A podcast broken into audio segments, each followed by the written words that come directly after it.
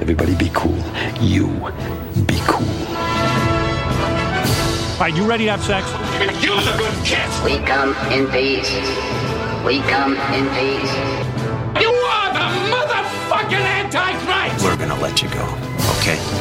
Ok. Film er best på radio. Nova Noir.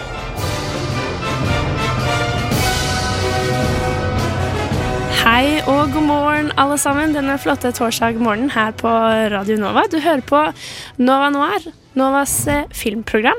Og i dag så har vi Jeg er kjempegira, for i dag så har vi fått besøk fra Vitenselskapet.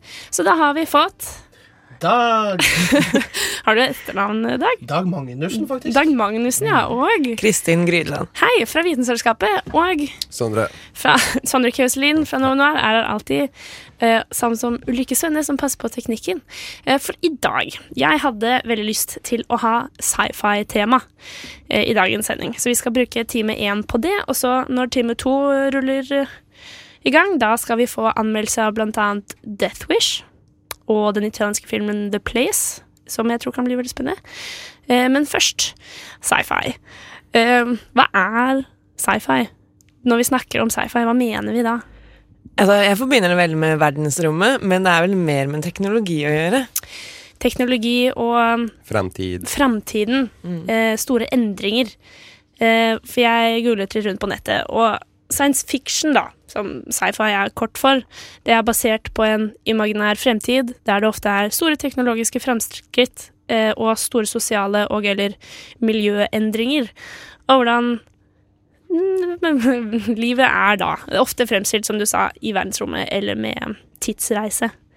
Så det er fellestrekk for sci-fi, da. Men det er jo, det er jo veldig mye forskjellig, Mm. vil jeg tro. Jeg vil, jeg vil tro at det er mye som vi ikke helt klarer å Som bare havner innenfor én sjanger òg, da. Altså som du sier, miljømessige endringer eller et eller annet sånt der, så eh, trenger det jo ikke nødvendigvis å være så veldig mye fancy som er, er i gang der. Det kan være litt sånn dystopiske greier og sånn der som bare er litt framme i framtida, liksom. Riktig. Jeg, jeg føler virkelig at sci-fi og dystopi går veldig hånd i hånd. Eh, ikke alltid, men ofte så henger det sammen og er et sånt eh, varsel om fremtiden og vær forsiktig med teknologien, og plutselig så er verden gått til helvete. Jeg syns det er ofte litt for pessimistisk, egentlig. Ja, Det er, litt, du det er skremselspropaganda uten like, liksom. Ja, hva er det du studerer igjen, eh, Sondre? Jeg studerer robotikk. Ja. så du jeg tror har, roboter blir våre venner? Ja, men jeg har møtt folk på uh, På nach og sånn som har sagt sånn der Å, men er ikke det farlig, da?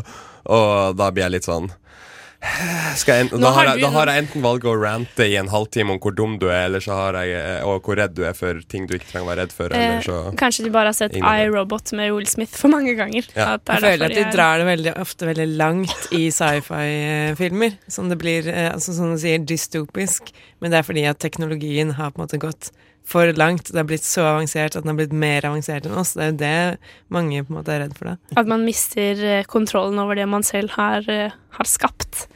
Eh, ja, jeg personlig syns at sci-fi er en kjempefin sjanger. Og det er en av de sjangerne jeg har mest sånn forkjærlighet for når det gjelder film. Eh, og jeg kan alltid sitte og kose meg med et veldig velutviklet konsept som er utført på en god måte. Da, da, er, det, da er det fint. Men er det teknologien du liker, da? Eller hva er det, som, hva er det med sci-fi som gjør at du syns at det er så eh, spennende? Jeg tror kanskje det er mest eh, den eh, samfunnsdelen, hvordan samfunnet enten bruker eller blir brukt av teknologien, som jeg syns er mest interessant. Så gjerne når det har det dystopi-elementet, da, da liker jeg det best. Når det bare er sånn, eller bare og bare, da, men sci-fi adventure, så det er jo for så vidt det fengende, det òg, men jeg liker det best når det har en eh, samfunnskommentar og en kritikk på et eller annet. Når det er flere lag, da. Ja, at det ikke bare er pew-pew og liksom Ja. Ja, ja. Akkurat. Uh, jeg føler at vi siktet oss litt inn på Star Wars akkurat der. Men uh, den skal vi mm, snakke litt mer om senere, faktisk. Men før vi går veldig videre på, eh, på det, i hvert fall, så skal vi diskutere litt våre personlige sci-fi-favoritter. eh, og noen filmer vi har lyst til å trekke frem.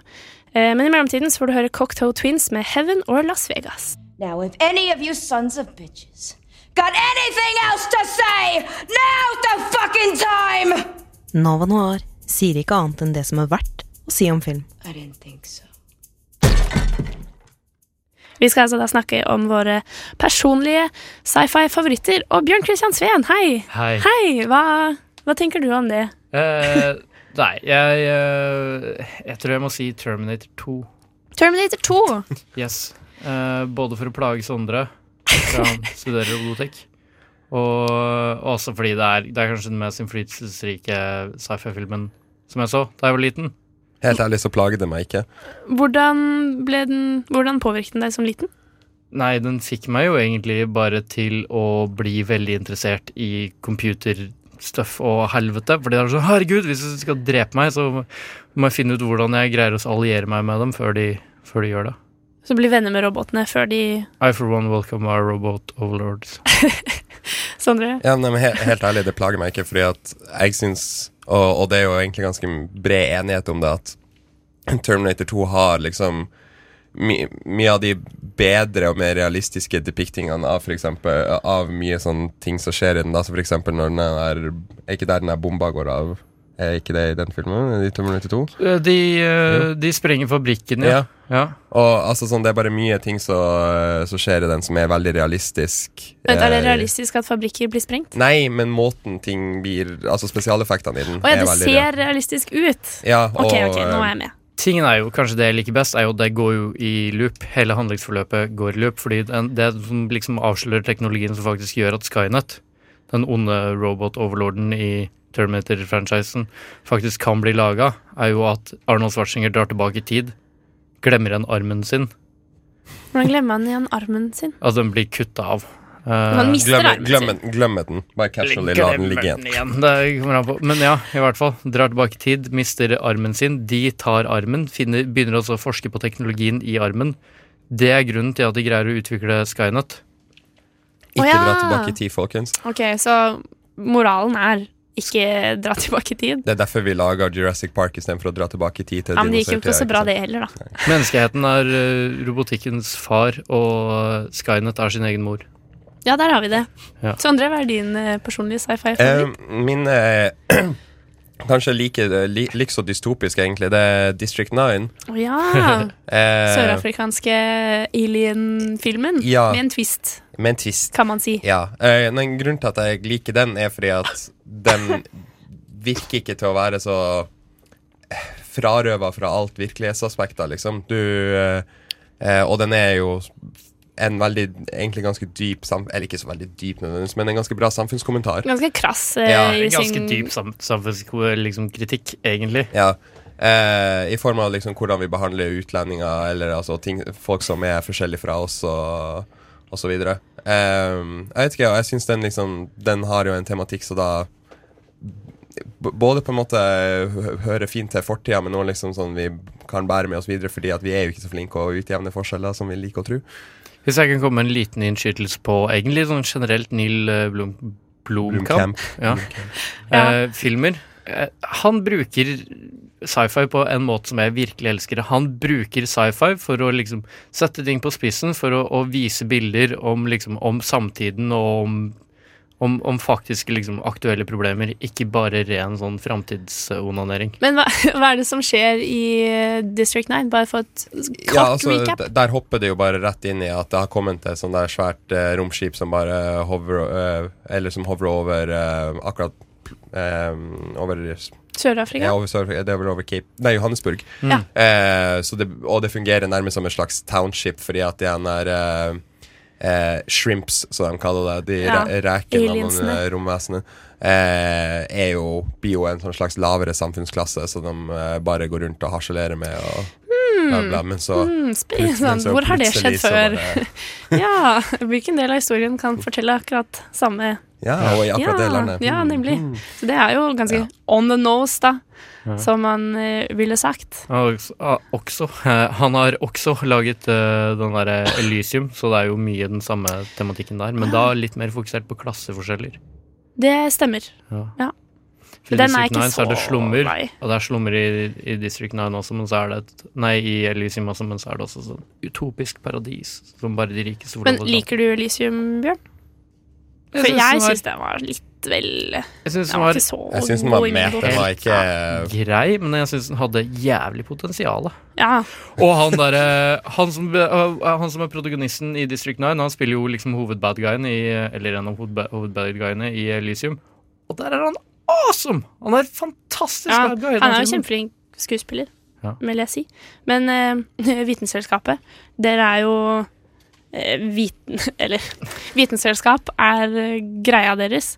Men har dere noen filmer dere liker, eller noe annet sci-fi eh, dere liker? Ja, jeg må si at jeg er litt overveldet over uh, Pixa til gutta her. For jeg er veldig glad i både District 9 og spesielt Terminator 2. Den er jo helt rå. Det er en helt rå film. Ja, er den det? Ja, det er jeg bare- jeg Ja, det er det. tenker jeg har litt fordommer, litt fordi Arnold Schwarzenegger, og fordi det er en sequel. Hva er galt med Arnold Schwarzenegger? Nei, altså? Hva er galt med Arnold Schwarzenegger? Har du sett En av tidenes mest ikoniske skuespillere. Ja, men du kan fortsatt være lame selv om du er ikonisk. Hva er galt med Linda Linda I min bok. Nei, hun er det ikke Linda galt Hamilton. Men Kom. nå Linda Hamilton, det kan jeg se meg bak. Det er greit. Eh, Kristin, har du noen sci-fi Eh, altså, Hjertebarn? nå har jeg faktisk ikke sett noen av de filmene som det er blitt nevnt. Det er, det er ja, greit. det. Det er lov. Er sett det greit? 2 Det heller. så ikke ut eh, på de andre i studio her som om det var greit i det hele Du kommer som vår gjest, så derfor oh, ja. er det greit. Oh, ja, Ja. Ja, så det er sånn special, uh, Special treatment. Special treatment, Ja, Ja. det er fint. Men kommer du på noen du har sett da, som du liker? Uh, f- eh, ja Jeg har ikke sett så mange sci-fi-filmer, men jeg så um, for eksempel den Altered Carbon på oh, ja. Netflix. Ja, hva syns du om det? Har du sett den? Um, jeg, så, jeg så den ferdig, faktisk. Jeg er ganske dårlig til å se serier, men jeg ser bare sånne som kanskje er litt dårlige. Men jeg syns faktisk at den var ganske bra. Eh, altså, jeg liker veldig godt det der eh, konseptet For da er det jo, for de som ikke har sett den, så er det en virkelighet hvor eh, man lagrer folks bevissthet, og så kan man få en ny kropp. Og da blir det veldig sånn klasseforskjell av de som er kjemperike, som bare har levd og levd og levd og levd og tjent penger og tjent penger og tjent penger. Også de som er fattige, da, og hvis de dør, så Eller Er blir straffa. Ja, så mister de kroppen sin også, og så er, blir de fanga inn i en slags void og sånn. Men jeg syns det var veldig interessant. Eh, eh, liksom Da har de jo dratt det veldig langt, da. Ja. Hvis man kan eh, lagre bevisstheten. Eh, men jeg syns det var veldig interessant hvordan de eh, da liksom tenkte seg at framtiden ville bli hvis man kunne gjøre det. Og det fins jo faktisk folk som har lyst til å lagre bevisstheten, eh, slik at man, eh, når kroppen på en måte forfaller, så kan man få ikke nødvendigvis noen andres kropp, da, men at man lager en kunstig kropp, og så kopiere på en måte sin egen hjerne. Og det er jo ironisk nok veldig rike folk i dagens samfunn som har lyst til det. Ikke sant, det er jo det. Men de er jo også de eneste som har råd til det. Mm. Klone Men- seg selv og laste seg selv ned i en ny kropp. For eksempel. En ny versjon. Ny og bedre versjon av sin opprinnelige Se kropp. for deg de reklameplakatene som kommer til å være i om 50 år, liksom, eller om 100 år, når det bare sånn Last deg ned i den her kroppversjonen i 3000, et eller annet. Sånn. Ja. Ja, Jeg leste et intervju, jeg tror det var med den ene mm, direktøren i Google, og han gikk på et sånt pilleregiment som kosta han sånn 7000 dollar om dagen. Fordi han ah, Ambisjonen hans var å leve til å bli 140, eller et eller annet sånt. Og det skulle få han til å leve til han ble 140? Ja, for han trodde at hvis han greide å leve til han ble 140, så kom han til å slippe å måtte dø i det hele tatt, fordi Ja. da kom teknologien til å være kommet så langt at vi basically ned, var i altered carbon. ja, vi, vi skal jo snakke litt mer om eh, bevissthet, eh, og da kunstig bevissthet, eller kunstig intelligens, eh, om et lite øyeblikk. Men først så skal du føre Giftshoppet med My Name. Det du fikk høre der, var altså Giftshoppet med My Name. Og vi har som sagt Vitenselskapet på besøk. Dag og Kristin kommer for å lære oss ting. Opplyse oss om vitenskap. Eh, med da tanke på sci-fi som utgangspunkt. Og Kristin, der har du funnet noe spennende. Eh, ja, jeg tenkte kanskje vi kunne snakke litt om kunstig intelligens. For det er jo Veldig gjerne. veldig mange sci-fi-filmer som eh, har det, da. Ja, det er litt hot shit at the moment. Mm, det er det. Eh, også innen forskning og innen film. Eh, men da er jo spørsmålet liksom, hvor langt unna er vi de robotene eller eh, androidene og kunstig intelligens som vi ser i diverse filmer, da. Og da er vel dessverre svaret at vi er nok et lite stykke unna. Men Er det så dessverre? Jeg vet ikke helt. Det er veldig skummelt. da. ja, det kommer jo an på Ja, det er for så vidt sant. eh, Men noen eh, Det er jo i noen filmer hvor de kunstig intelligente vesenene er snille òg, da. Jo, jo, men nå tenker jeg mer på eh, Ikke verdensdominanse, men heller typ hva det vil si for menneskeheten å få eh, virkelig sann AI, da, som du tror på, som du føler noe for, og så blir du kanskje forelsket. Og så, jeg mener, hvor mange har ikke dilla på Alexa, liksom? Snakker du om her nå? Blant annet. Eh, så det er jo Joaquin Phoenix som blir forelsket i operativsystemet Scarlett Johansen fordi hun er så livlig og ekte. Eh, Men det tror jeg det er litt skummelt, Men det tror jeg er veldig sannsynlig, fordi eh, Altså, man snakker jo om eh, Kan eh, intelligent eller, liksom kunstig intelligens bli så smart at de utvikler følelser for oss? Eh, det er jo på en måte sånn stort tema, men jeg tror det er mye mer sannsynlig at vi kommer til å utvikle følelser for dem. Ja, for at altså, sånn, det virker ikke så far-fetched i det hele tatt, fordi at du, du kan jo eh, liksom Hvis du bare chatter med noen over nett, liksom, sånn, så, så blir det jo på en måte Da er det jo ikke noe det fysiske aspektet der, og du kan jo for det utvikle følelser der, liksom. Sånn bare med å snakke med noen. Så at det skal kunne skje med en liksom, relativt svak kunstig intelligens, ser jeg ikke så så usannsynlig. Bare se på sånn chatbots uh, ute og går. Siden liksom MSN-dagene så var det jo egne sånne chatbots, og de ble jo fullstendig ødelagte i uh, Fordi hvor mange 15 år gamle gutter var det som brukte de til å dirty talke med i mangel på Altså, jeg snakker da av egen erfaring. Ikke lat som du ikke kjenner deg. Ikke lat som. Ja, nei, og det trenger jo ikke å være bots eller egentlig kunstig, kunstig intelligens på den måten i det hele tatt. Eh, dere har jo sikkert sett de der eh, hundene, de robotene som ser ut som hunder. Eh, det ble jo eh, veldig stor sak for en stund siden eh, hvor det var en eh, video av en fyr som sparka en sånn hund, og så klarte han å holde balansen. Og så tror jeg videoen ble lagt ut for å vise hvorfor Ah, ikke snakker de om var- det Boston Ja, Dynamics. Boston Dynamics, ja, eh, Boston ja. Dynamics-hundene. Big Eh, og da raste jo internett fordi at folk syntes at han var så slem som sparka denne hunden. Eh, og Peter måtte til og med gå ut og si sånn Dette er ikke en ekte hund, dette er en robot, den føler ingenting. Fordi at folk ble så utrolig liksom opprørt. Følte det var dyreplageri. Jeg, men altså, mennesker forelsker seg jo i hva som helst. Biler, dukker Listen er lang. Virkelig lang. Ja, vi er ganske uh, androgyn på hva vi velger å forelske oss i. Ja, men når du også da klarer å gi ting en personlighet Ja, den er kanskje ikke ekte, men jeg tror generelt det skulle sikkert ganske lite til for at vanlige mennesker, den vanlige mannen i gata, ble forelsket i en robot hvis den så ekte nok ut og ga riktig respons på riktig tid. Det kan de jo lære. Det er kjempecreepy å gå rundt og tenke på. Man bare erstatter menneskeheten sånn gradvis. Jeg syns det er litt morsomt at du sier liksom sånn der hvis den var ekte.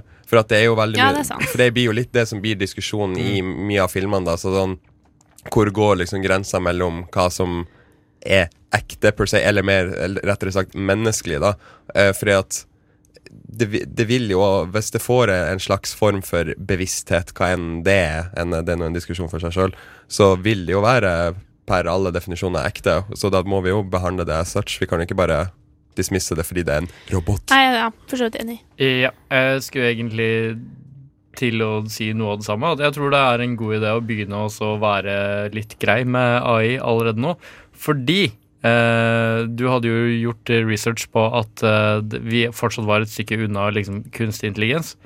Tingen er at vi vet ikke egentlig hva bevissthet er. Det er kjempemye ressurser satt i alle skruer for å prøve å finne ut hva bevissthet egentlig er. Og vi vet ikke helt hvor det begynner og hvor det slutter.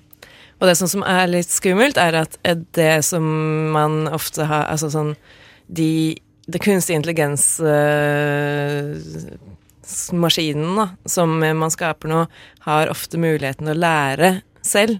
Så at de har jo eh, også funnet ut at de har begynt liksom å lage sin egen kode eh, som de programmererne ikke helt skjønner hva er til, men som tydeligvis funker da for de kunstig intelligens eh, eh, eh, og som gjør at de blir bare mer og mer effektive fordi de lærer av seg selv.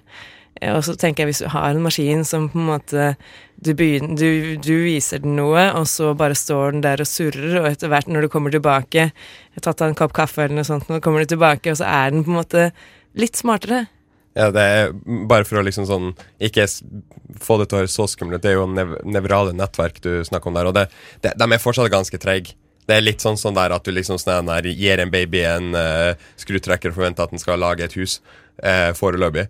Det er liksom sånn, Den har ikke helt eh, Så vi er fortsatt et lite stykke ifra. Men det, det er veldig lett å få det til å høres veldig sånn uh, skummelt ut. Ja, jeg tenker det er jo så mange eksempler fra film da, hvor de gjør det ganske skummelt. Mm. Uh, Her er jo ikke skummel, den er egentlig Korslig bare og romantisk og litt fin og trist på samme tid. Uh, for så vidt veldig gøy når sci-fi da blandes med andre sjangere på den måten. Men Ex-Machina, for eksempel, den er uh, Den er veldig bra, og den gjør meg litt ubehagelig når jeg tenker på hvor langt det kan gå. Men hvis du vil fortsette å jeg vet ikke, fordype deg i AI og bevissthet, så kan du kanskje se Black Mirror. Eh, det handler mye om eh, bevissthet og hva som kan regnes som ekte og ikke. Eh, når vi kommer tilbake, så skal vi få høre et Eller ikke vi, du skal få høre et innslag av Elisabeth Bjerkskau om Wally versus Rovere. Det tror jeg kan bli ganske gøy. Men først kommer Siri Sumo og synger Geilomant. vi ble så engasjerte i denne diskusjonen. Så jeg tror kanskje vi venter litt med det innslaget, og så bare fortsetter vi å prate mer AI. Jeg kom jo på Westworld sesong to. Er jo nesten rett rundt hjørnet. Ja, det Den er jo akkurat Neste uke det kommer. 22. april kommer det bak der borte fra, fra Bjørn. Eh, 22. april. Det er jo litt det vi snakker om med når er en bevissthet virkelig ekte bevisst, og hva vil det si å være på ekte? Og du kommer med et veldig godt eh, poeng, Dag, om det med intelligens og alt det er i vårt bilde. Ja, sånn. fordi vi liker jo å se oss selv som intelligente, og da regner vi altså med at alle andre intelligente ting kommer til å tenke sånn som oss. Vi antropomorfiserer jo alt. Ja, det er gud til de grader. Sånn med den hunden, for eksempel. Ja, nettopp. Så akkurat det der, der med at Det gjør vi jo på film òg. At den kunstige intelligensen på en måte har våre motivasjoner, våre Altså vår sjalusi, vår eh, kjærlighet, sånne ting. Men så kan det jo hende at den tenker helt annerledes, men det er jo vanskelig å se for seg. Jeg har, jeg har et lite input der, fordi eh, ja, vi antropo... Antro... Morfiserer. vi humaniserer av allting som eh, Enkelt og greit. Ja, irriterer meg at jeg ikke greier det ordet. Men uansett, vi, vi humaniserer liksom allting som ikke er på en måte levende, men det som vi ofte har gjort det stikk motsatte med, er jo faktisk dyr. Og når du har liksom kognitiv eh, teori på eh, egentlig liksom dyr, jo mer og mer forskning vi gjør på det, jo smartere og smartere viser det seg jo at eh, de her dyra er. Og jo mer og mer oppdager vi at atferden deres er ikke egentlig bare liksom mekanisk, som vi har trodd i alle år pga. fucking Descartes. Uh, men, men det er kanskje nettopp det som eh, vi har en tendens til å glemme med at med kunstig intelligens, det er sånn Det er jo ingen hensikt nødvendigvis med rent logisk at de skal få følelser, og at det skal være de, i hvert fall de, de hva skal man si, de litt mer hjertefølte følelsene, som sjalusi og kjærlighet og sorg. Sterke og, ja, ja, vi kaller det eh, Fordi at Hvorfor skal de få det? Det er jo egentlig ingen logisk grunn til at de skal utvikle det liksom sånn basert på For at det vil jo starte med at vi gir dem spesifikke oppgaver som, skal, som det skal utføre. Og det er jo nettopp det du ser ofte i filmer, at de blir jo creata for en purpose. Det er veldig sjelden de bare sånn Å, vi bare laga det, og nå er de en rase som eksisterer. Ja, men ehm, det er jo også slik at hva, hvorfor har vi følelser? Vi er jo på en måte intelligente, men hva er det som gjør at vi har følelser? Er det noe med intelligensen vår, eller er det liksom Kjemien i hjernen. kjemi, hormoner, er det liksom biologiske kroppen? Så hvis du gir en kunstig intelligens som da åpenbart må være intelligent nok, her snakker vi om i framtida, framtida, framtida, eh, gir den en biologisk kropp, eller implanterer den i et menneske, liksom, vil den da kanskje utvikle følelser? igjen, i, liksom, på tross av de 2000 siste åra med liksom, filosofi, så er jo nyere liksom, faktisk kognitiv teori at følelser er faktisk en ganske fin ting å ha for å ta gode, rasjonelle valg, og generelt få samfunnet og, og grupper med vesener til å fungere godt sammen. Men kanskje ikke nødvendigvis rasjonelle valg, men kanskje eh, i hvert fall eh, moralsk riktige valg. Ofte. Etisk riktig. Ja, etisk riktige valg liksom framfor. Men eh, du ser jo for eksempel sånn eh, Sånn som eksmakene som du nevnte, eh, at eh, Nå husker jeg ikke hva den eh, androiden het i farta. Ja, det spilte altså, av ja. Alicia Vikander. i hvert fall. Ava eller noe? Ja, Ava, ja. ja, Ja. Hun, hun får jo et slags form for at hun føler seg jo urett... Altså hun skjønner jo at Oi, det her, jeg er bare et objekt som på en måte blir eh, eh, forska på. Jeg blir liksom ikke sett på som det jeg sjøl klarer å tenke at jeg er. Og det er jo den selvbevisstheten som kanskje er det kritiske, på en måte, som vi blir litt skremt av, framfor nødvendigvis om de har følelser i form av sånn sorg og kjærlighet og sånn. Ja, hun får jo en ganske sterk uh, følelse av uh, self-preservation. Ja. Uh, og når hun da forstår at han som har skapt henne, da, at hun på en måte har overgått han i en viss forstand, at hun lurer ham, at hun er smartere, at hun er bedre, og bruker det det er, jo, det er jo det som er skummelt, når de, når de blir bedre enn oss og skjønner at de er bedre. Ref manuset mitt fra forrige uke. Ja, for jeg tror at eh, om de får følelser eller ikke, det er, vet jeg ikke om kommer til å skje, men jeg tror at de kan komme til å utvikle seg slik at de skjønner hva som er bra og hva som er dårlig for dem, og også at de kan skjønne hvordan de kan oppnå det som er bra for dem, men da må de jo være litt mer generelle enn det de er nå, fordi den kunstige intelligensen som vi har nå, er ofte ganske sånn spesialisert. Den kan kategorisere, den kan finne kattevideoer på YouTube, Eh, men den kan ikke Ja, det har de jo brukt den til. Eller den kan eh, skrive neste eh, boka i Game of Thrones, eh, men oh, ja, det er, det er veldig det er ganske morsomt, og de kan gjøre det. De har jo på en måte allerede fått eh, kunstig intelligens til å gjøre det, men de kan ikke gjøre så mye annet, og de kan ikke forholde seg til virkeligheten fordi virkeligheten er for kaotisk og Den har jo ikke noe konsept av virkeligheten, for den vet jo ikke engang sjøl at den eksisterer. Så, altså sånn Bare best case scenario for uh, AI-framtida, som framsatt av film. Uh, Interstellar-robotene. Å ja! Det er drømme... De er så fine! Du har helt rett, Bjørn. Selvbevisste. Kan vi ikke se for at, for at det blir den eh, eh, robotfremtiden vi ønsker oss. Kanskje ikke den miljøfremtiden vi ønsker oss, ettersom jorda går til shit i Interstellar, men eh, definitivt robotene. den, den, bare for å wrap opp det, jeg tror blir den en, sånn Kanskje sånn som i Her. At de bare transcenderer hele Altså Istedenfor å fucke oss over for at de innser at å, dere bare ødelegger dere sjøl, dere er deres egen verste fiende, som det ofte blir eh, i, eh, i sånne litt mer dystopiske filmer, så er det sånn eh, Jeg tror at de bare kommer til å innse at nei, vi kan bare gå over til et nytt plan av virkelighet og bare eksistere uten Det dere. der er det jeg tror kommer til å skje. At vi kommer til å oppdage sann kunstig intelligens, og så bare pop, er det borte like fort som det dukka opp, og så sitter vi bare igjen og bare sånn Hva faen skjedde? Sitter igjen der som de apene vi er, liksom. Ja, rett og slett. Da tror jeg kanskje vi er klare for eh, et innslag om Wally versus rovere. Men først så skal Mørk synge Slippin', og det passer veldig fint nå som det er så fint vær i april, for nå har all isen smeltet, for det han synger om er å dette på isen. År 2105.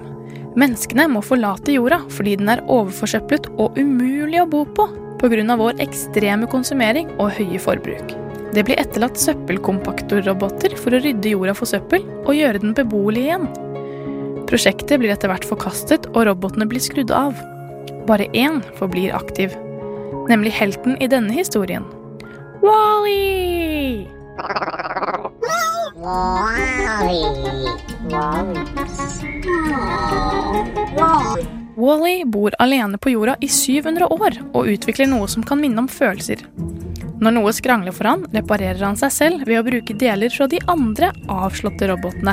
Utover det får han energi fra et solcellepanel som er festet over robotmagen hans.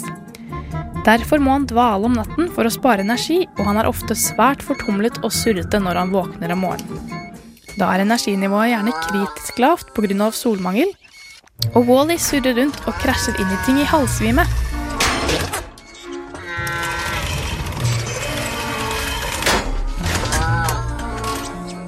Helt til han får ladet seg opp ved å bruke solcellepanelet sitt. Så er han i fullt vigør igjen. I dagens Disney in real life skal Vitenselskapet forsøke å finne virkelighetens svar på Wall-E. La oss først bare etablere at per dags dato finnes det ikke teknologi til å utvikle ekte følelser hos roboter. Det er foreløpig bare noe som finnes i bøker og film, så det punktet kan vi bare stryke fra fellesnevnelista. Det vi leter etter, er en robot som kan overleve alene, på en annen planet, over lengre tid, ved å fornye sin egen energi konstant. NASA har et pågående prosjekt som går under navnet Mars Science Laboratory. De har sendt opp fire oppdagelsesroboter til Mars siden 1997 for å kartlegge planeten så godt de bare kan. Oppdagelsesrobotene heter rovere, og to av dem er aktive på planeten den dag i dag. En av dem er roveren Opportunity, som landet på Mars i 2004, og er med det inne i sitt tiende år. I 2012 fikk Opportunity selskap av Curiosity, den mest avanserte roveren så langt. Opportunity har seks hjul, er 1,5 meter høy, 2,5 meter bred og 1,6 meter lang.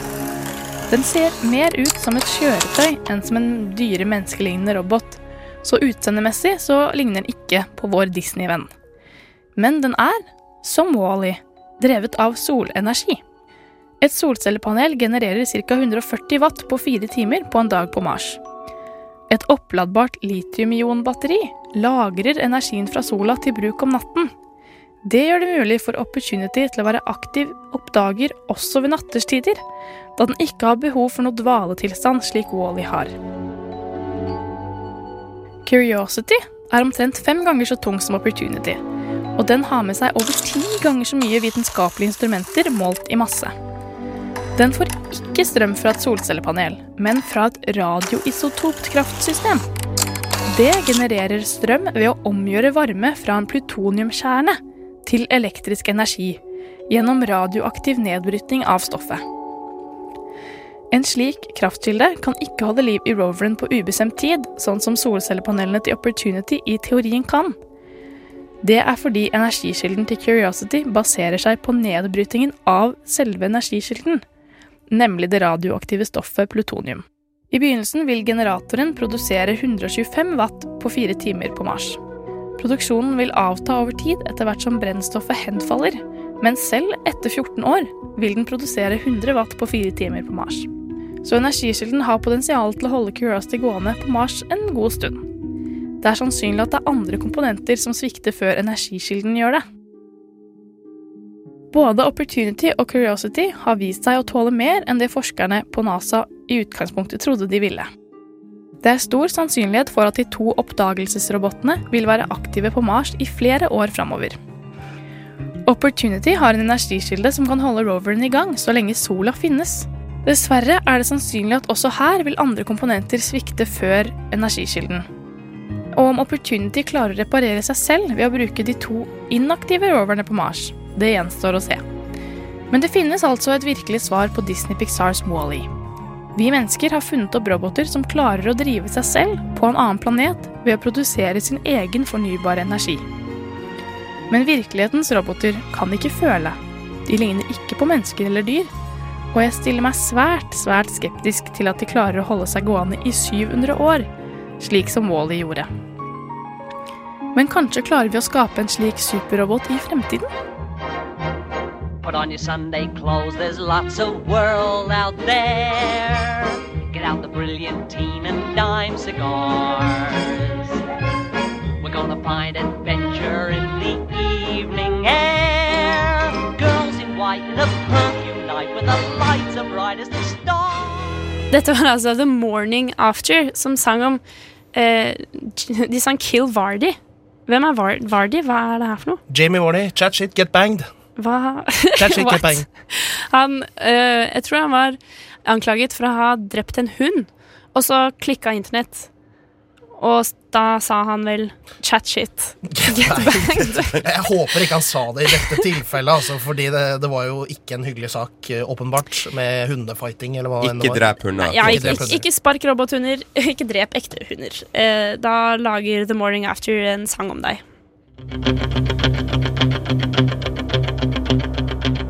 Jeg har fått vite at Julia hater Lost in Translation. Og jeg kan ikke tro mine egne ører. Jeg kjenner sinnet bobler i meg. Ok, ok. Nei, Noe takk. annet enn å flørte. De er sånn Poenget er jo at det er helt platonisk. Det er jo ikke platonisk i det hele Han er jo tatt. 58 år. Ja, det er jo det.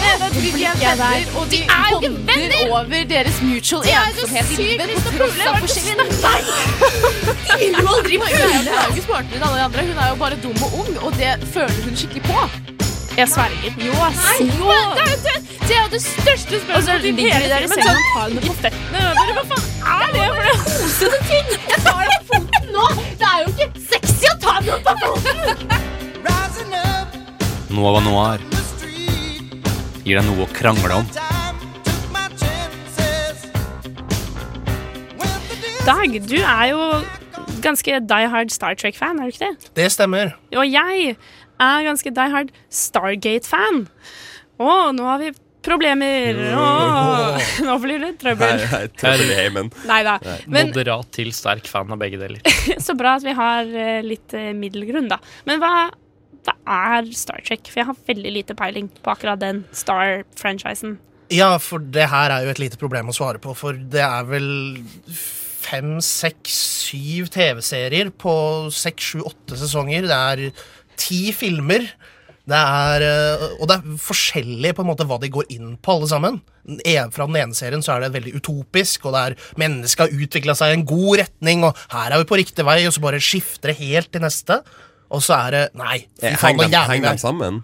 Ja, altså De gjør jo det, det er samme producer og sånn, men samtidig så gjør de ikke det. Altså, Det er veldig spennende, akkurat det. da Og så liker folk forskjellige ting. Storyen henger ikke sammen?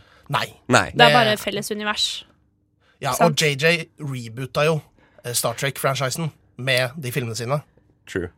Jeg har, litt uh, fun facts om uh, Star Trek. Fordi um, Ja, um, ehm, han som laga Star Trek, han ville bare egentlig liksom lage sin utopiske visjon. Han var veldig på den der Spaceship Earth, som er en sånn betegnelse som brukes for å liksom Vi er alle sammen samla på den samme planeten. Så han skulle liksom lage en sånn framtid, framtidsutopi for å liksom egentlig bare inspirere folk til å jobbe sammen og løse problemer. og- Og, uh. ja. Men så De utvikla jo det her, pitcha det til TV-selskap. Uh, Den som endte opp med å produsere det, var eh, Lucy fra I Love Lucy, eller noe sånt noe. Um, og Bra hun- valg, da. Det gikk jo bra. Ryktet er at hun fulgte ikke helt med når hun skrev den på papiret for å funde Å, det. Og hun hørte Star Trek og trodde det var et reiseprogram for uh, TV-stjerner. Ja, ja. Men altså, det gikk jo veldig bra, så det var jo et eh, smart valg sånn sett, da. Men hva, hva er det du liker med Star Trek? Dag, hva er det som gjør at du bare elsker Star Trek? Eh, jo, nå er jo favoritten min Star Trek The Next, Next Generation. Det var den andre TV-serien som kom etter den originale. Og hvor den originale ble en sånn kultserie som ble plukket opp mer etterpå. Som ble liksom veldig Er det Kirk signifikant. Ja, det er Kirk og Spock og sånn, som ble Mm. signifikant for uh, borgerrettsbevegelsen med Nichelle Nichols som spilte den svarte Hurra! offiseren. Ja, Yes. for eksempel. Så var, ble den her mer mainstream, da. Gjennomsnittlig seertall i det var Golden Age of Television nå, var 20 millioner som så Wow. hver episode. Det er ganske heftig å tenke på i dag, altså. Uh, men det som jeg likte veldig godt med denne serien, er eh, at den knytter seg tilbake til våre problemer. Og det er så, altså hvis du tenker sånn der, Det er en episode på 80-tallet som tar opp transpersoners rettigheter.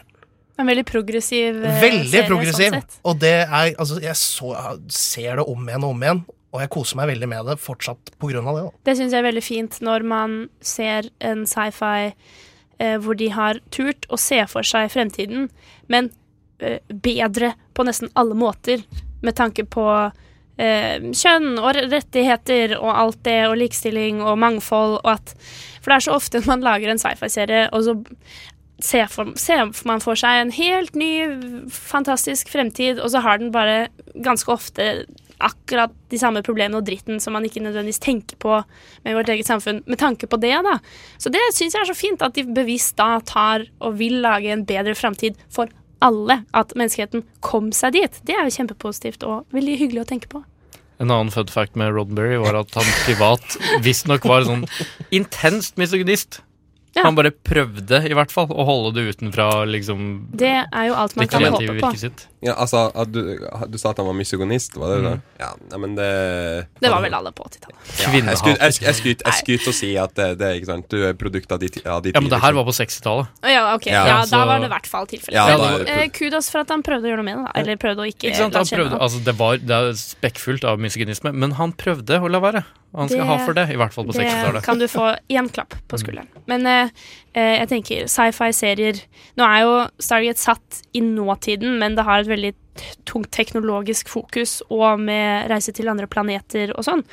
Um, så jeg har kommet på en del troper de bruker i Stargate. Og så lurte jeg på om de gjør det samme i eh, Star Trek, så at vi kan sammenligne litt.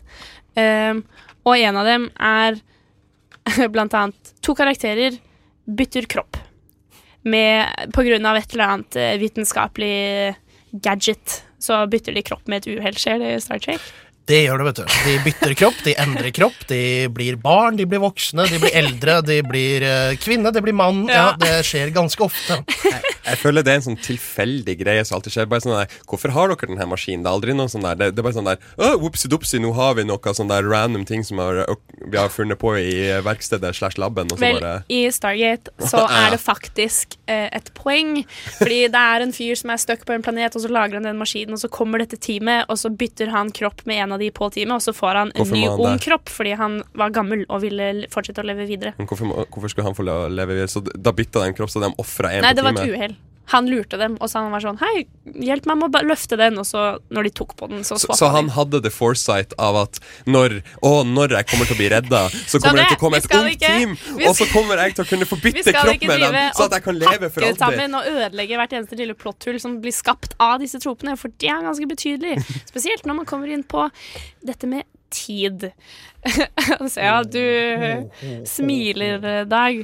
For det, det er opptil flere anledninger, i hvert fall. Det er en episode hvor det går i en time loop, hvor det er en Groundhog Day-episode, og det er noe av det beste jeg vet. Er, det, er, det er noe av det morsomste jeg vet. Det er når ting bare går på episoden. nytt og går på nytt. nytt, og på nytt. Jævlig! Fordi de faktisk gjør de samme tingene opp igjen og opp igjen. Den er, mer, den er mindre variert enn Groundhog Day. De hadde Ja, men de hadde, det er jo på TV, da. Du har jo litt mindre ting å gjøre. Men da de filmet hele episoden, så hadde de fortsatt tre minutter til overs. Så de var sånn Shit, hva skal vi gjøre da? Så de bare lagde sånn montasje hvor de lærer å sjonglere og bare spise masse kake og bare finne på helt sånne Som skuespillerne var sånn Oi, kanskje jeg skal lære keramikk. Det kunne vært gøy.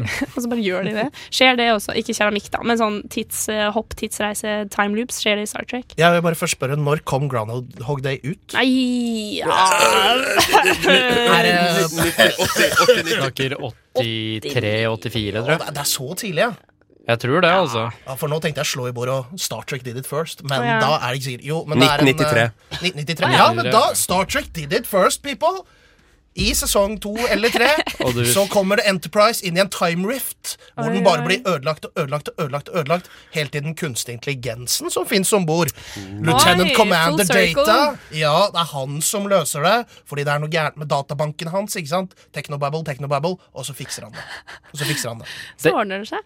Ja. Ja, rett og slett. Men uh, mm, det er jo Det er jo ikke bare eh, Hva skal jeg si eh, time loops, men flash forwards til fremtiden, og så er det en bad future, og så må de endre fortiden, altså nåtiden, i serien for å hindre det. For å Eh, hindre bare den fæle to ganger. Ja, tror jeg. Eh, skjer det også? Ja, det er jo en episode jeg husker spesielt, hvor de reiser tilbake til 1800-tallet på jorda og tar med seg Mark Twain, altså Samuel Clemens, til framtiden, til The Enterprise i 2364. Og så går han rundt og så flørter han litt med damene, og så sender han tilbake igjen. Men så har han tydeligvis ikke sagt noe til noen, da. Så han i vårt univers, da, visstnok, har jo da vært i 2364. Hvor, hvor, mange, hvor mange mennesker i nåtida har vært i framtida?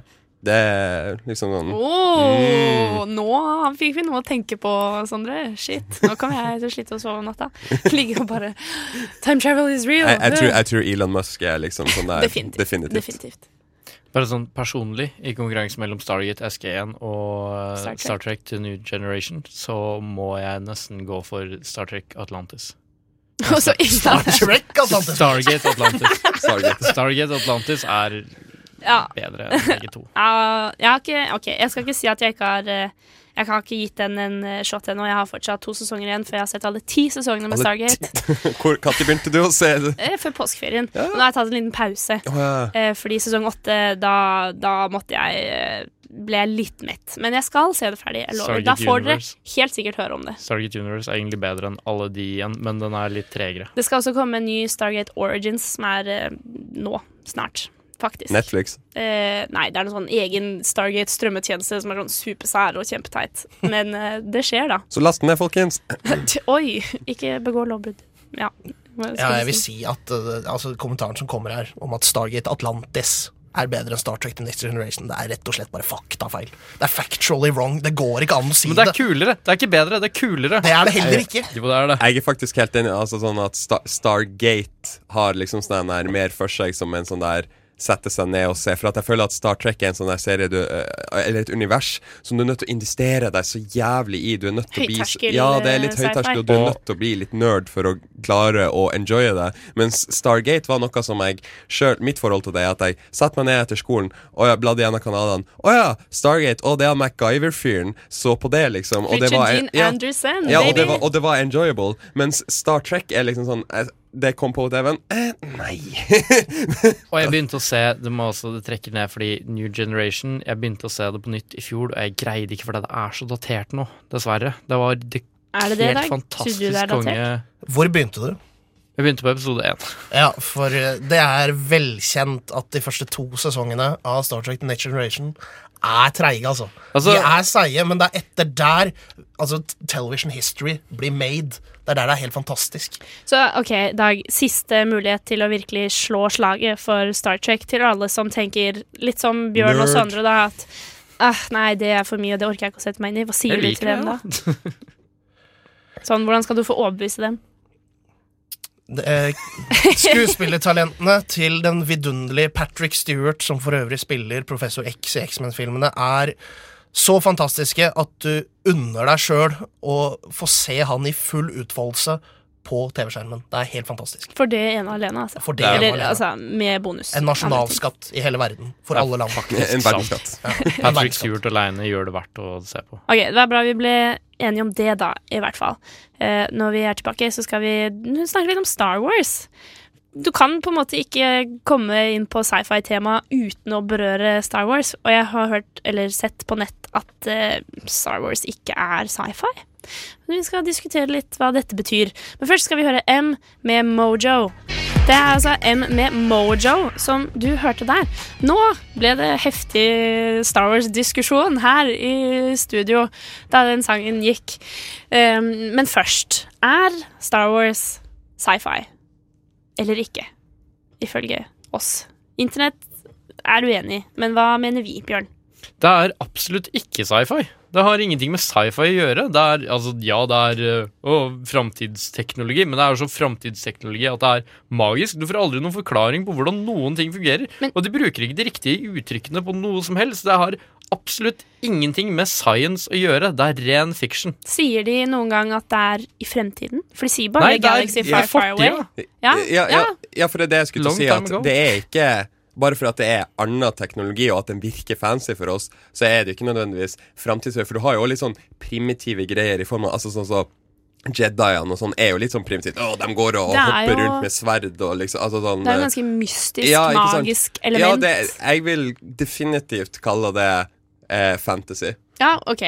Eh, fantasy Ofte blir jo det satt i en alternativ middelalderverden med magi og drager etc. etc. Det er det du har i Star Wars. det er jo det du har. ja. Kanskje samme univers, eller et alternativt univers, men det blir aldri sagt om det er i fremtiden, sant? Så det kan Nei, det er ikke ja, fremtiden. nemlig. Det blir sagt eksplisitt at det er a long time ago, far, far away. Men når long er time ago, long time ago far fra, da? away. Men i hvert fall, ja. Men for eksempel i den siste filmen så bruker de jo en science fiction-greie som eh, altså det store plot-devicen. Å nei, skipet vårt! De der krystallene som power us, eller et eller annet. De går tomme, og de kommer til å ta oss igjen. Og Det- vi holder bare ut akkurat nå. Hyperdrive Er og Hyperdrive. sant? Det var et eh, Det var et større innslag. Det var det jeg likte minst med den nyeste Star Wars-filmen, faktisk. Fordi, eh, spoiler, når de rammer det der skipet inn i det andre skipet, bare sånn Å, vi passer til warp speed, og så bare blaster inn det der. Hvorfor har dere ikke torpedoer som gjør det der? Jeg, dere har dere har liksom skip som har plass til akkurat én person, som fortsatt kan kjøre i warp speed og over lyshastighet.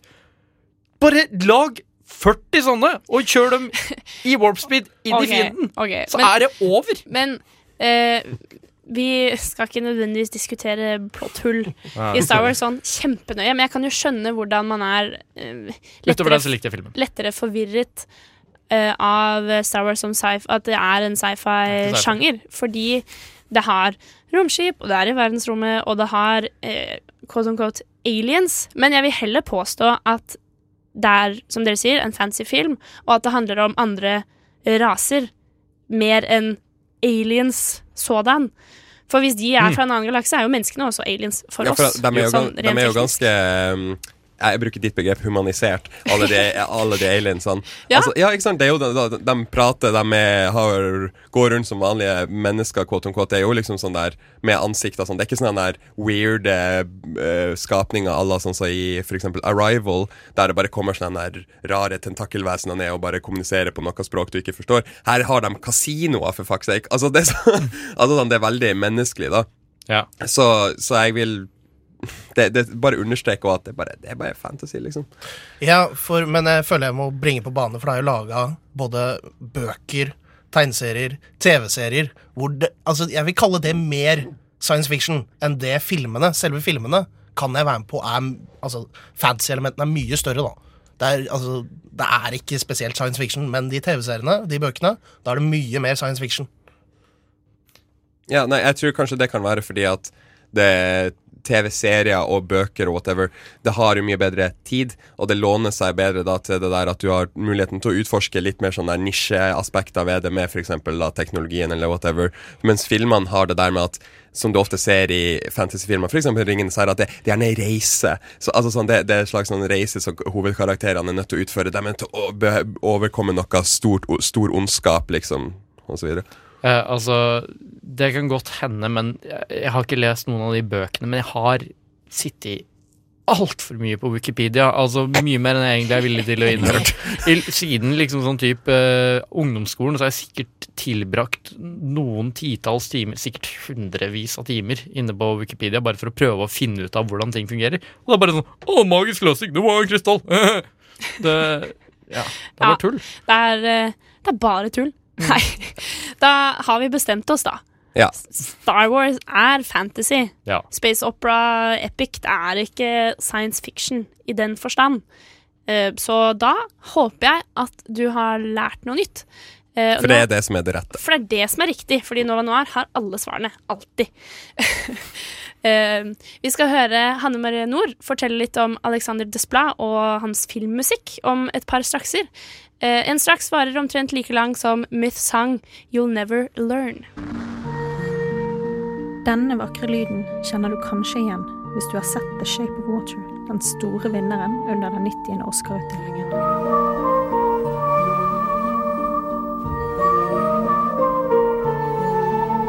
Ikke bare fikk Guillermo del Toro og The Shape of Water prisen for beste regissør, beste film og beste produksjonsdesign, men vant også prisen for beste originalmusikk. Men hvem sto egentlig bak disse vidunderlige, stemningsfulle tonene?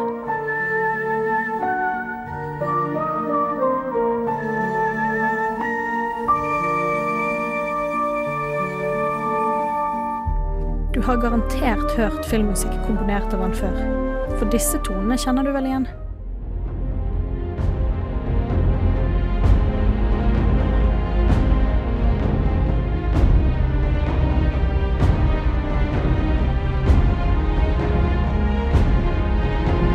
Riktig. Alexandre Desplat laget også musikken til de to siste Harry Potter-filmene. Men det hele begynte jo så lenge før det.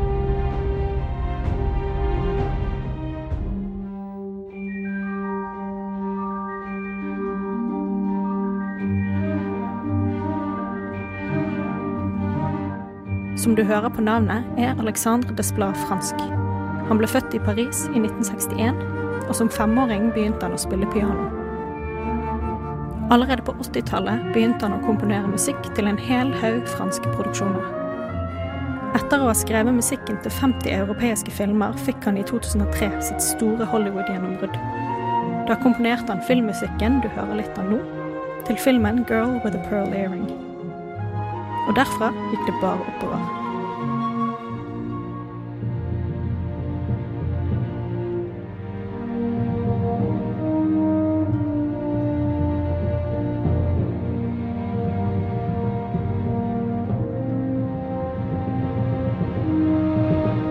I 2007 fikk han sin første Oscar-nominasjon for musikken til Stephen Frears The Queen.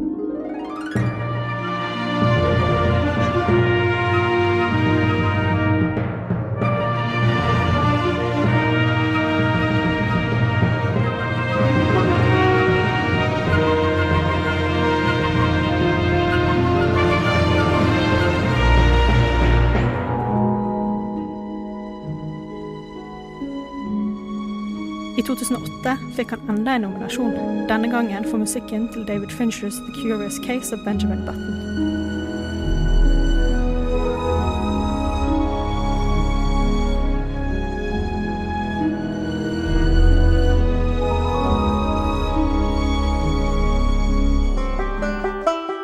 I 2010 fikk han en nominasjon for Fantastic Mr. Fox.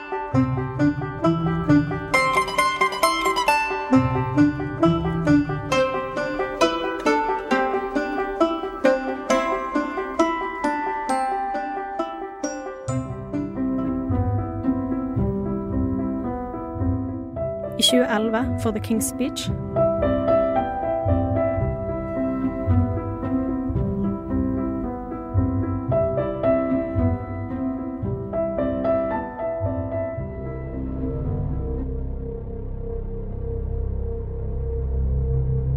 I 2013 for Argo.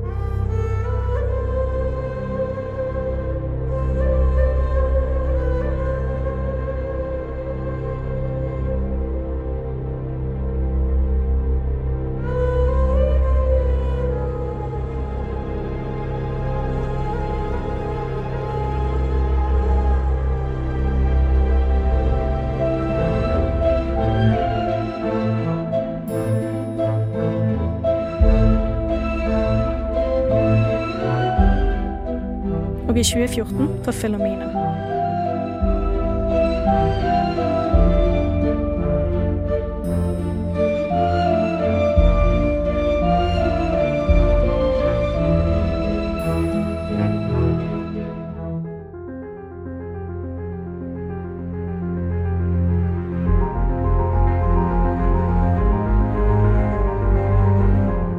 Så, i 2015, ble Desplat nominert for The Imitation Game.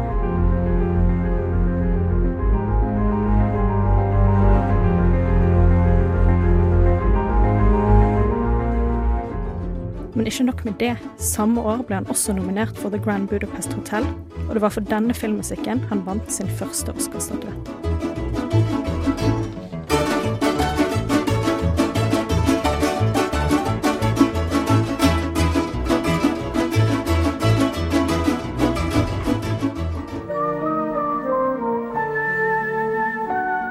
Så er vi fremme ved den nyeste og andre Oscar-prisen for The Shape of Water.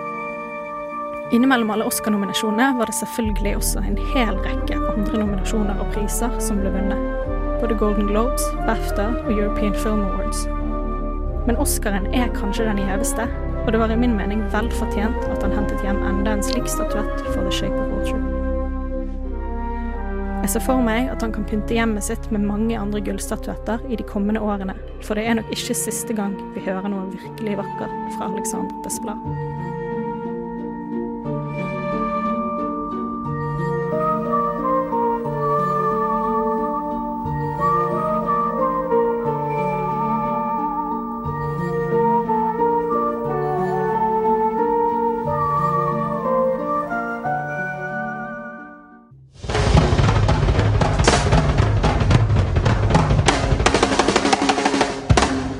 Noir presenterer ukens kinopremierer.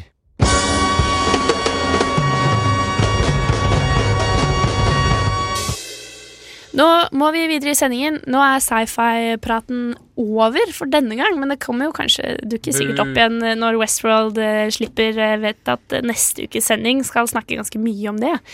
Men eh, nok om sci-fi. Nå skal vi få ukas første kinopremiere, og Hanne Marie Nord har kommet innom studio. Ja, det har jeg. For å anmelde Death Wish. Oi, oi, oi. Ja, og dette er vår gode, kjære, flinke Bruce Willis som er in action igjen i en remake av filmen Death Wish fra 1974. Og Willis spiller legen Paul Kersey, som har det perfekte liv med bra jobb, hus, bil, kone og datter osv. Men så, på bursdagen hans, blir konen hans drept, og datteren havner i koma. Og fordi politiet ikke kommer noen vei i saken, så tenker Kersey, som de fleste Bruce Willis-karakterer ofte gjør, at han må ordne opp i det sjøl. Sway in the morning, Shade 45. We got to talk about what's happening in Chicago. Everybody's watching this viral video of this guy in the hoodie. They're calling him the Grim Reaper. He stopped a carjacking. Is he right for taking the law into his own hands? He's become a folk hero. What about the shooter? He look like a white dude.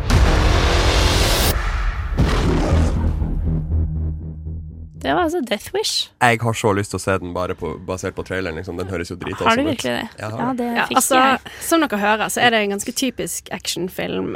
Historie i bunnen eh, og alt det. Og mye våpen og vold og sånn, og det kommer jeg tilbake til. Eh, men det som er en litt morsom twist, eh, som ikke jeg har sett så ofte, er at Bruce Willis sin karakter til å begynne med er ganske inkompetent når det kommer til eh, våpenbruk. Eh, og han ser på YouTube-videoer for å lære seg det. Um, og okay. så har vi noen litt sånne halvveis kule, halvveis kleine montasjescener hvor han liksom, med back in black i bakgrunnen, uh, står og liksom lærer seg å bruke våpen og sånn. Og så halve skjermen er det, og halve skjermen er liksom at han står og gjør sånn kirurgiske inngrep og sånn, for han er lege. Så du får den derre redde liv versus ta liv. Helt om dagen, helt om Ja, natten. litt Ja, sånn ja. gudekomplekser. Ja da. Uh, og det er jo festlig. Uansett, så da får han snart lært seg det han eh, skal, eller må, for å Ja. Så går han ut i natten i hettejakke, og sorry, men Bruce Willis er for gammel for hettejakke. um, og så skal han ut og hevne seg, og uh, får tilnavnet da Grim Reaper. Og liksom det som er litt av problemet, er hvor troverdig er det at en lege nesten helt uanfektet går ut og bare tar noen sitt liv? Men det er jo ikke uanfektet, for de drepte datteren Nei, de drepte kona. Jo, jo, men at han ikke har noe problem med å ta noen andre sitt liv. Nei, det og det første personen han tar, er noen som bare er en tilfeldig sånn biltyv på gaten. Så han har ikke en personlig vendetta mot denne personen engang. Og han bare liksom helt sånn iskaldt bare blam, liksom henretter han. Ja, så eh, sjokk, sjokk. Ingen emosjonell dybde eller kompleksitet. Nei, og det er litt guffent. Som kirurg så kanskje han er litt sånn følelsesmessig avstumpa mot det her med død, siden han har Ja. sett mange dø på ja, det er det de prøver å f- liksom ja. bygge det opp og forsvare det med. At han liksom er litt sånn der eh, Ja ja, hvis det er noen som nesten er død uansett, så er han litt sånn Nei, ikke alltid han gidder å prøve å redde dem, fordi at ja ja. Eh, og så prøver de å ha hint om at han har liksom slåss mye i ungdommen og er liksom tøff i trynet, litt sånn der eh, Blir sur En kynisk jævel, rett og slett. ja, litt sånn. Men så er han jo en liksom loving family dad og alt det der. Men ja, det begynner allerede litt sånn guffent med en gang at han er veldig sånn øh, Og så blir voldsscenene etter hvert så voldsomme at jeg faktisk måtte liksom snu meg vekk og lukke øynene, for det var bare ekkelt. Og jeg Oi. ser sånn, altså sånn Tarantino-filmer og sånt med masse blod og gørr, det går helt fint. Null problem. Men dette ble litt sånn der torture porn-opplegg. Var det noe med det at han var så frastilt fra handlingen, og at det var så kaldt og ja, Ja, og det kirurgisk, var, da, ja, men det var også noe med at volden var så ekkel, og det var så detaljert og bare blod og gørr. Og, og det har jo noe med at han regissøren, eh, Eli Roth, er visst veldig kjent for dette. ja. jeg etterpå. Ah, Eli Roth, ja. Vi snakker jo om Hostel-regissøren her, er det ikke det? Jo, Ja, tror det. ja, ja, ja, men da, da, da blir jeg enda mer gira. Ja, altså, nei, men jeg syns det var litt sånn, ja. Too much? Ja, nja, altså men, Fordi actionfilm pleier ikke å være et problem, men kanskje jeg bare har blitt litt softere. Men jeg måtte snu meg vekk. Uansett. Filmen hadde alle muligheter til å ta et statement om våpen og vold og sånn. Og det virker som at han prøver å gjøre det litt, eh, men samtidig så blir det liksom ikke sånn nok. For det er en sånn scene helt i starten hvor Willis går for å kjøpe våpen, og så spør han sånn Å, er det mye papirarbeid? Og hun damen står der bare Nei da, det er ingenting å bekymre seg for, og ingen som noen gang stryker på våpensikkerhetskurset, he-he-he, litt sånn for å kommentere på sånn våpensituasjonen i USA og sånn. Og så prøver de å diskutere den her vigilante-problematikken, for han går jo ut og bare tar loven i egne hender.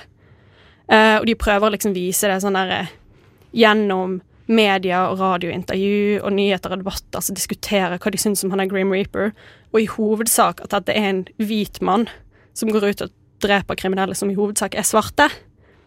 Men Også der fortsatte fortsatt det. ja, Jeg trodde de skulle ta et steg bort fra det, fordi i 1934-versjonen så er det Det er unge menn av afroamerikansk og meksikansk bakgrunn eh, Mm. som regel som man går ja det, altså det er et par hvite år, liksom, men det er i hovedsak svarte. Og så er det, føles det litt som at de tar opp denne debatten bare for å ha ryggen fri, for at det skal være OK. Og ja, typ, vi puttet det i filmen, Ja. og det er problematisk i seg selv. Men vi skjønte at det var problematisk å snakke om det, så derfor er det greit. Ja, sant. Um, og det blir kanskje veldig sånn kritisk og mye om moral og sånn her, som folk syns sikkert er urettferdig fordi det er en actionfilm. Men altså, det går jo an å bare lage en god actionfilm også. Sånn, det finnes. Det er ikke så vanskelig å legge litt mer i det enn som så, da. Så jeg syns egentlig det er ikke helt gyldig. Men samtidig så er jeg litt sånn Må alle filmer i, i, i dag være en samfunnskommentar i bakgrunnen, liksom? Nei, Jeg må ikke, men de blir ofte bedre av det, da. Ja, men jeg. hør her, for det er sånn her er, Skal den bare fordi actionfilmsjangeren er en litt sånn tullete sjanger som slipper unna en del litt lett, skal den da få lov til å ha et så bedritent budskap som alle trenger våpen for å beskytte seg sjøl, for å drepe slemme folk som ikke politiet klarer å ta? Altså, er ikke det et litt, litt problematisk budskap for en film å ha sånn i disse da? Altså, jeg bare Jeg har nylig vært i USA og snakket med folk som syns at disse våpenlovene er skikkelig vanskelig å forholde seg til. Så Altså, selvfølgelig er det en veldig fin film med tanke på at det er ekstremt mange som vil ha liksom, Som vil at det skal være cinematiske eksempler på at ja, men du trenger våpen for å beskytte deg sjøl mot alle jævlene som er der ute. Ja, De kommer sikkert til å like denne Ja. filmen. Kanskje Bruce Willis egentlig er sånn gunnut? Jeg ser for meg at Bruce Willis er en gunnut. Altså, du kan ikke være med i så mange actionfilmer uten å bli en gunnut. Men jeg tenker jeg skal prøve å oppsummere her. Fordi at her er greien Jeg digger Bruce Willis i sånn Die Hard, og Die Hard er fortsatt gøy fordi den er litt gammel og latterlig, og volden er morsom og sånn. Bortsett fra Die Hard 5, den tenker vi ikke men på. den, nei, den, den, den teller ikke vi med. Eh, og dette er en remake av en gammel film som kanskje også er latterlig å se på i dag. Sånn, problemet er bare at denne remaken føles ikke ny på noen måter. Altså, den ser veldig ny og fresh ut, men det er noe med grunn Altså, dette budskapet som ligger i bunnen, føles bare litt gammelt. Så det er litt Og- men- datert. Ja, men nei, kanskje samtidig ikke. Jeg vet ikke. Jeg syns det var vanskelig å ta liksom, stilling til det. Fordi jeg lot meg underholde og hadde det skikkelig gøy. Det er jo målet med Eh, en actionfilm. Ja, ja. Jeg gjorde det, men etterpå, når jeg tenkte meg om, så følte jeg meg skikkelig ekkel. Skjønner det du? betyr jo noe, det òg, da. Ja, så på en måte Mitt tips, sånn Sondre, du sa du hadde lyst til å se den. Se den, kos deg, men ikke tenk. Ja, ja, men det er jo nettopp det Når som du er er ferdig, skru av hjernen din. Ja, det er det jeg føler actionfilmer er. Jo, Det men- kan skru av hjernen din, ha Ja. det gøy, bang, bang, Men når den da fikk deg til å tenke så mye etterpå fordi den var feil, så klarte den jo ikke det, da. ikke sant? Nei, fordi, at, fordi de stiller disse spørsmålene i filmen også, så tenkte jeg mye mer på det enn jeg hadde gjort hvis Typ ikke. Pacific Rim, de får til det. Men Bare kan sånn, sitt og kos deg. Det kan jo da tydeligvis, basert på det hun sier, at hun begynte å tenke, og så begynte hun å føle seg ekkel. Eh, Da kan det jo egentlig bare være en uh, film i tragediens store ånd, sånn fra tilbake til Aristoteles. At det er så over kanten at du blir litt bedre menneske etter å ha blitt utsatt for det. Ja. Liksom, fordi Ja, ja. du Nei, føler deg ekkel. Kanskje. Ja, nei Men eh, en, en, en score, da, til Ja, slutt. jeg hadde egentlig lyst til å gi den høyere bare fordi at eh, Bruce Willis in my heart, men det blir, det blir bare fire av ti. Men du sa du ble underholdt, jo. Jo, jeg ble underholdt, men Ekkelheten men, vant, ja, kanskje? Jeg bare følte meg så ekkel etterpå. En Novo Noir firer, en Redneck åtter. Og det, det betyr Jeg, er- altså, Rett og Da tror jeg jeg og du kommer til å gi den en seks pluss, sånt. vi, vi skal jo eh, anmelde en film til, nemlig The Place, som er en italiensk film. Ja. Eh, Så det, du blir her litt til, du, eh, Hanne. Eh, Men først så skal vi høre mer classics, for det er en av mine favorittband. Nå skal de synge Holding On.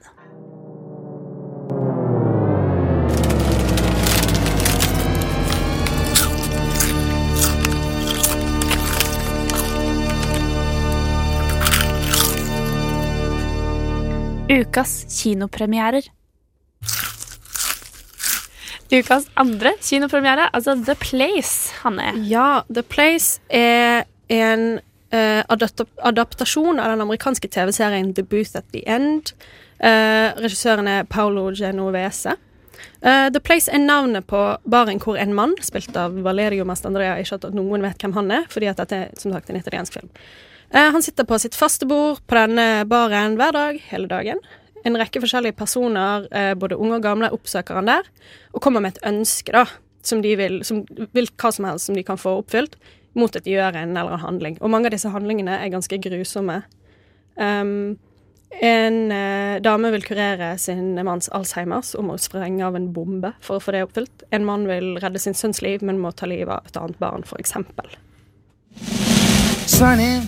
Mi hanno detto che lei aiuta la gente ad ottenere quello che vuole. Diciamo che offro delle possibilità. Voglio essere più bella. Io voglio che mio marito torni a casa. Una notte, una notte intera con lei. Io le darò un compito e se lo porterà a termine avrà quello che ha chiesto. Mi dica cosa devo fare. Io una cosa del genere non la farò mai. Ma perché chiedi cose così orrende tu? Perché c'è chi è disposto a farle. Ja, det skjønte sikkert ingen noen ting av. Eh, men uansett, hele denne filmen eh, utspiller seg inne på denne baren.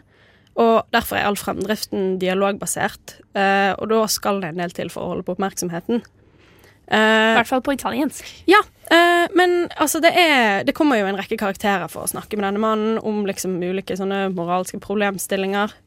Og mange av de er veldig spennende å følge liksom utviklingen i, at de bestemmer seg for om de skal gjøre dette grusomme for å få oppfylt sitt største ønske.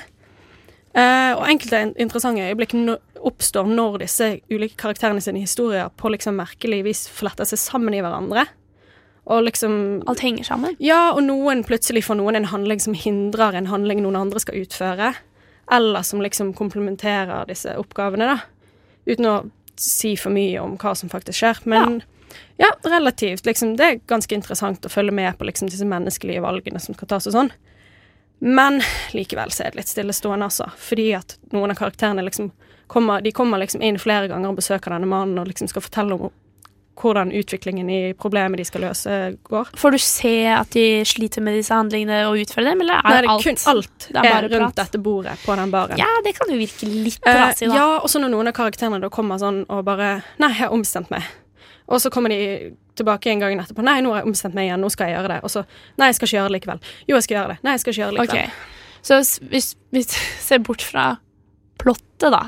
Var det noe annet du, noe du likte? Var det bra musikk eller lyd? Her eller? kommer problemet. Oi. Fordi at filmmusikken eh, spenner bein på alt som er bra ved denne Å filmen. nei! Oi. Det er sjelden! Fordi at Hvordan går det an? bakgrunnsmusikken er så Enten så er den helt forstyrrende eller upassende, eller sånn for eksempel i flere scener hvor de liksom største moralske valgene skal tas, så er den så overdramatisk. Det er sånn der italiensk såpeseriemusikk, liksom. Det var helt jævlig. Det var sånn Scener som skulle være dramatiske, begynte jeg å le av fordi, fordi det var så dumt og Vi vet vi om regissøren kanskje har regissert italienske såpeserier før, liksom. Jeg, har- jeg, har, jeg har ikke sjekket opp i det, liksom, men det var bare Det gjelder lagd pesto. Det var, det var så Anna Genovese. Lol. Han heter jo det samme, da. Det er jo ikke Ja, racist, men det.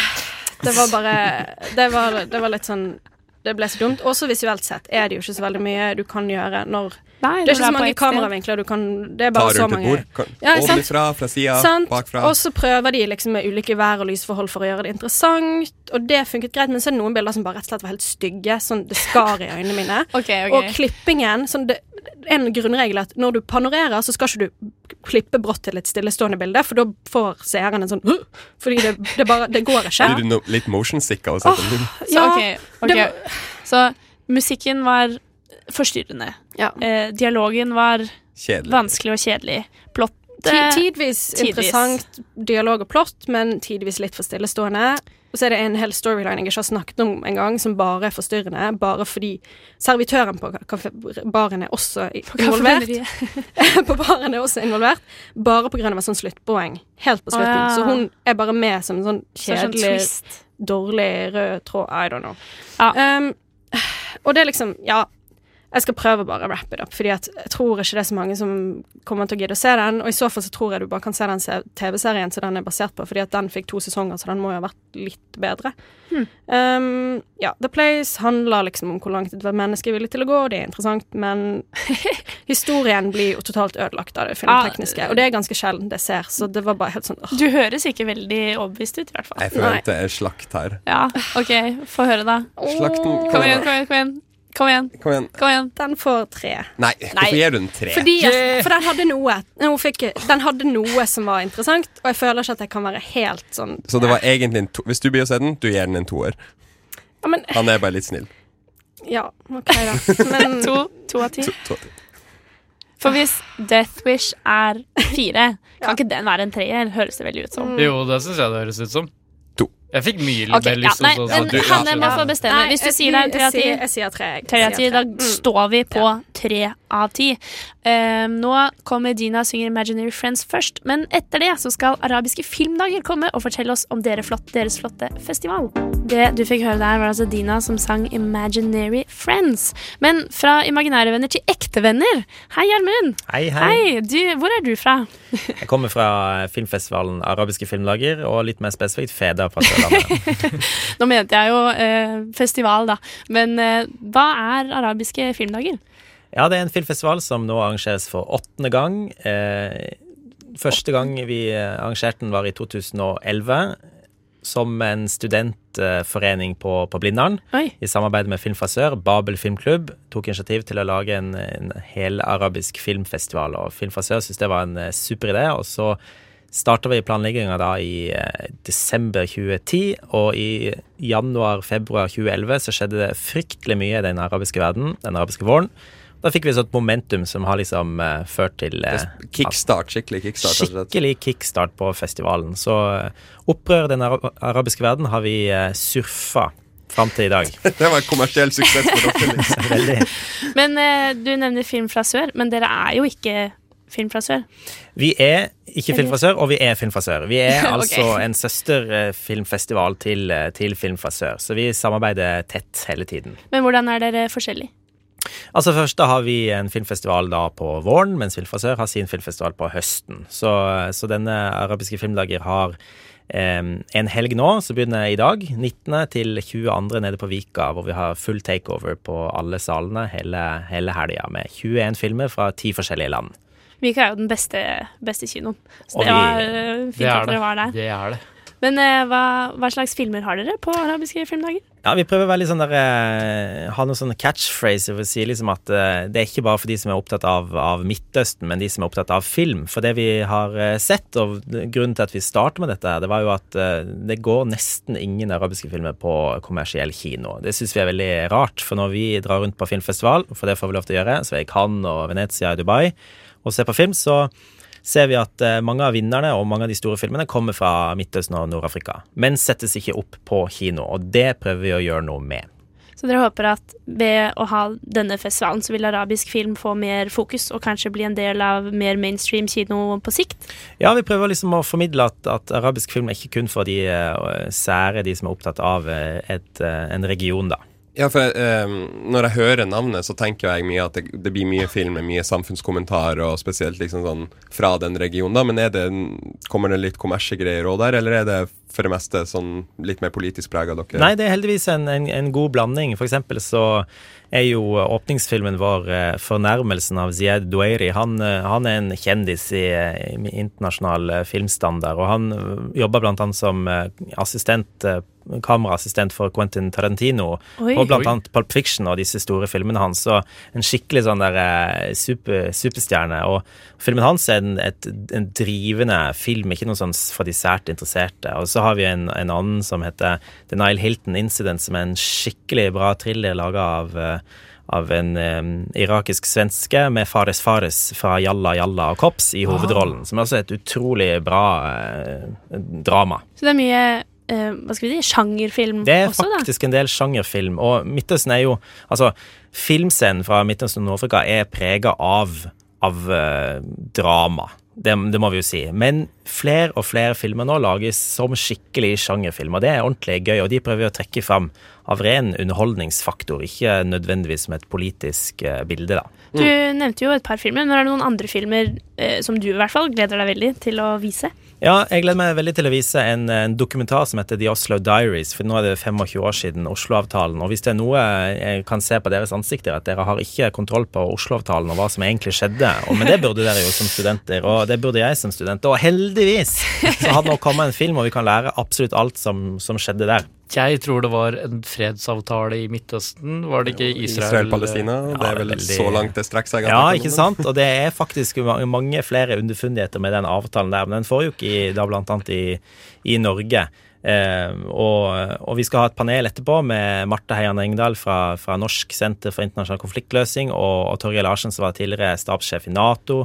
Eh, så det blir et eh, superspennende samtale etterpå. Fordi vi også har andre arrangementer enn bare film. Ja, som hva da? Så blant annet da eh, samtaler med ja, paneldebatter og regissørsamtaler, har flere regissører. Og så har vi en, en, en fest nede i kjelleren på Vika med en DJ fra Syria.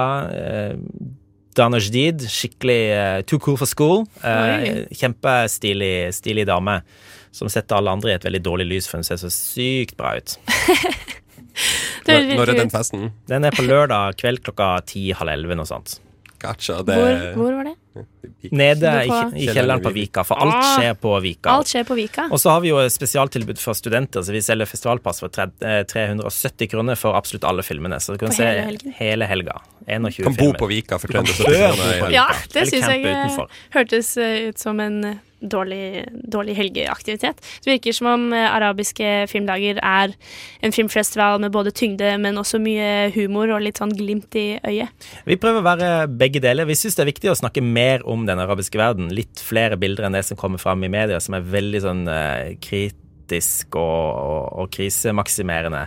Og si at det, det fins ufattelig mange stilige eh, fortellinger fra Midtøsten nå. Jeg må bare trekke fram en siste, for den er, den er veldig veldig kul. Og det er Sheikh Jackson, heter han fra, fra Egypt, og handler da om eh, det øyeblikket da Michael Jackson dør. King of Pop dør. Og så er det en imam i Egypt, en sykt konservativ type, som bare får sånn kjempekrise fordi han elsker Michael Jackson i ungdomsåra.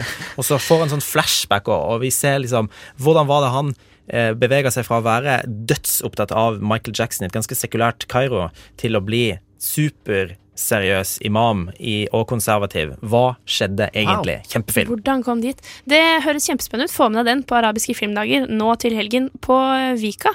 Men det var Takk for at du kom, eh. Gjermund. Det, det var programmet vårt i dag. Nova Noir hver torsdag 10 til 12 på Radio Nova. Vi har anmeldt The Place. Tre av ti, som Hanne Marie Nord ga den. Den og Death Wish, som fikk noe bedre. Hele fire av ti. Så det har ikke vært den største kinopremiereuka denne uka her. Spar kinopengene dine til neste uke. Eh, ja, gjør kanskje det. Um, men vi fikk jo også Vitenselskapet på besøk. Det var kjempehyggelig. Både Dag Magnussen og Kristin Grydeland kom innom. Vi diskuterte sci-fi både som sjanger, men også som transcenderende temaer som AI og andre skumle, interessante ting. Alle som hører på som har lyst til å fortsette den diskusjonen, må gjerne sende meg melding. Du kan prate med Bjørn, dere kan ta en øl og bli eksistensielle. um, Bjørn Christian Sveen, du har vært her. Yep. Sondre Kjøs Lind har vært her. Ja. Ulrikke Svenne har passet på at vi ikke ødelegger studio. Jeg heter Julie Oskar Andersen. Nova Noir er tilbake neste uke. Ha det bra.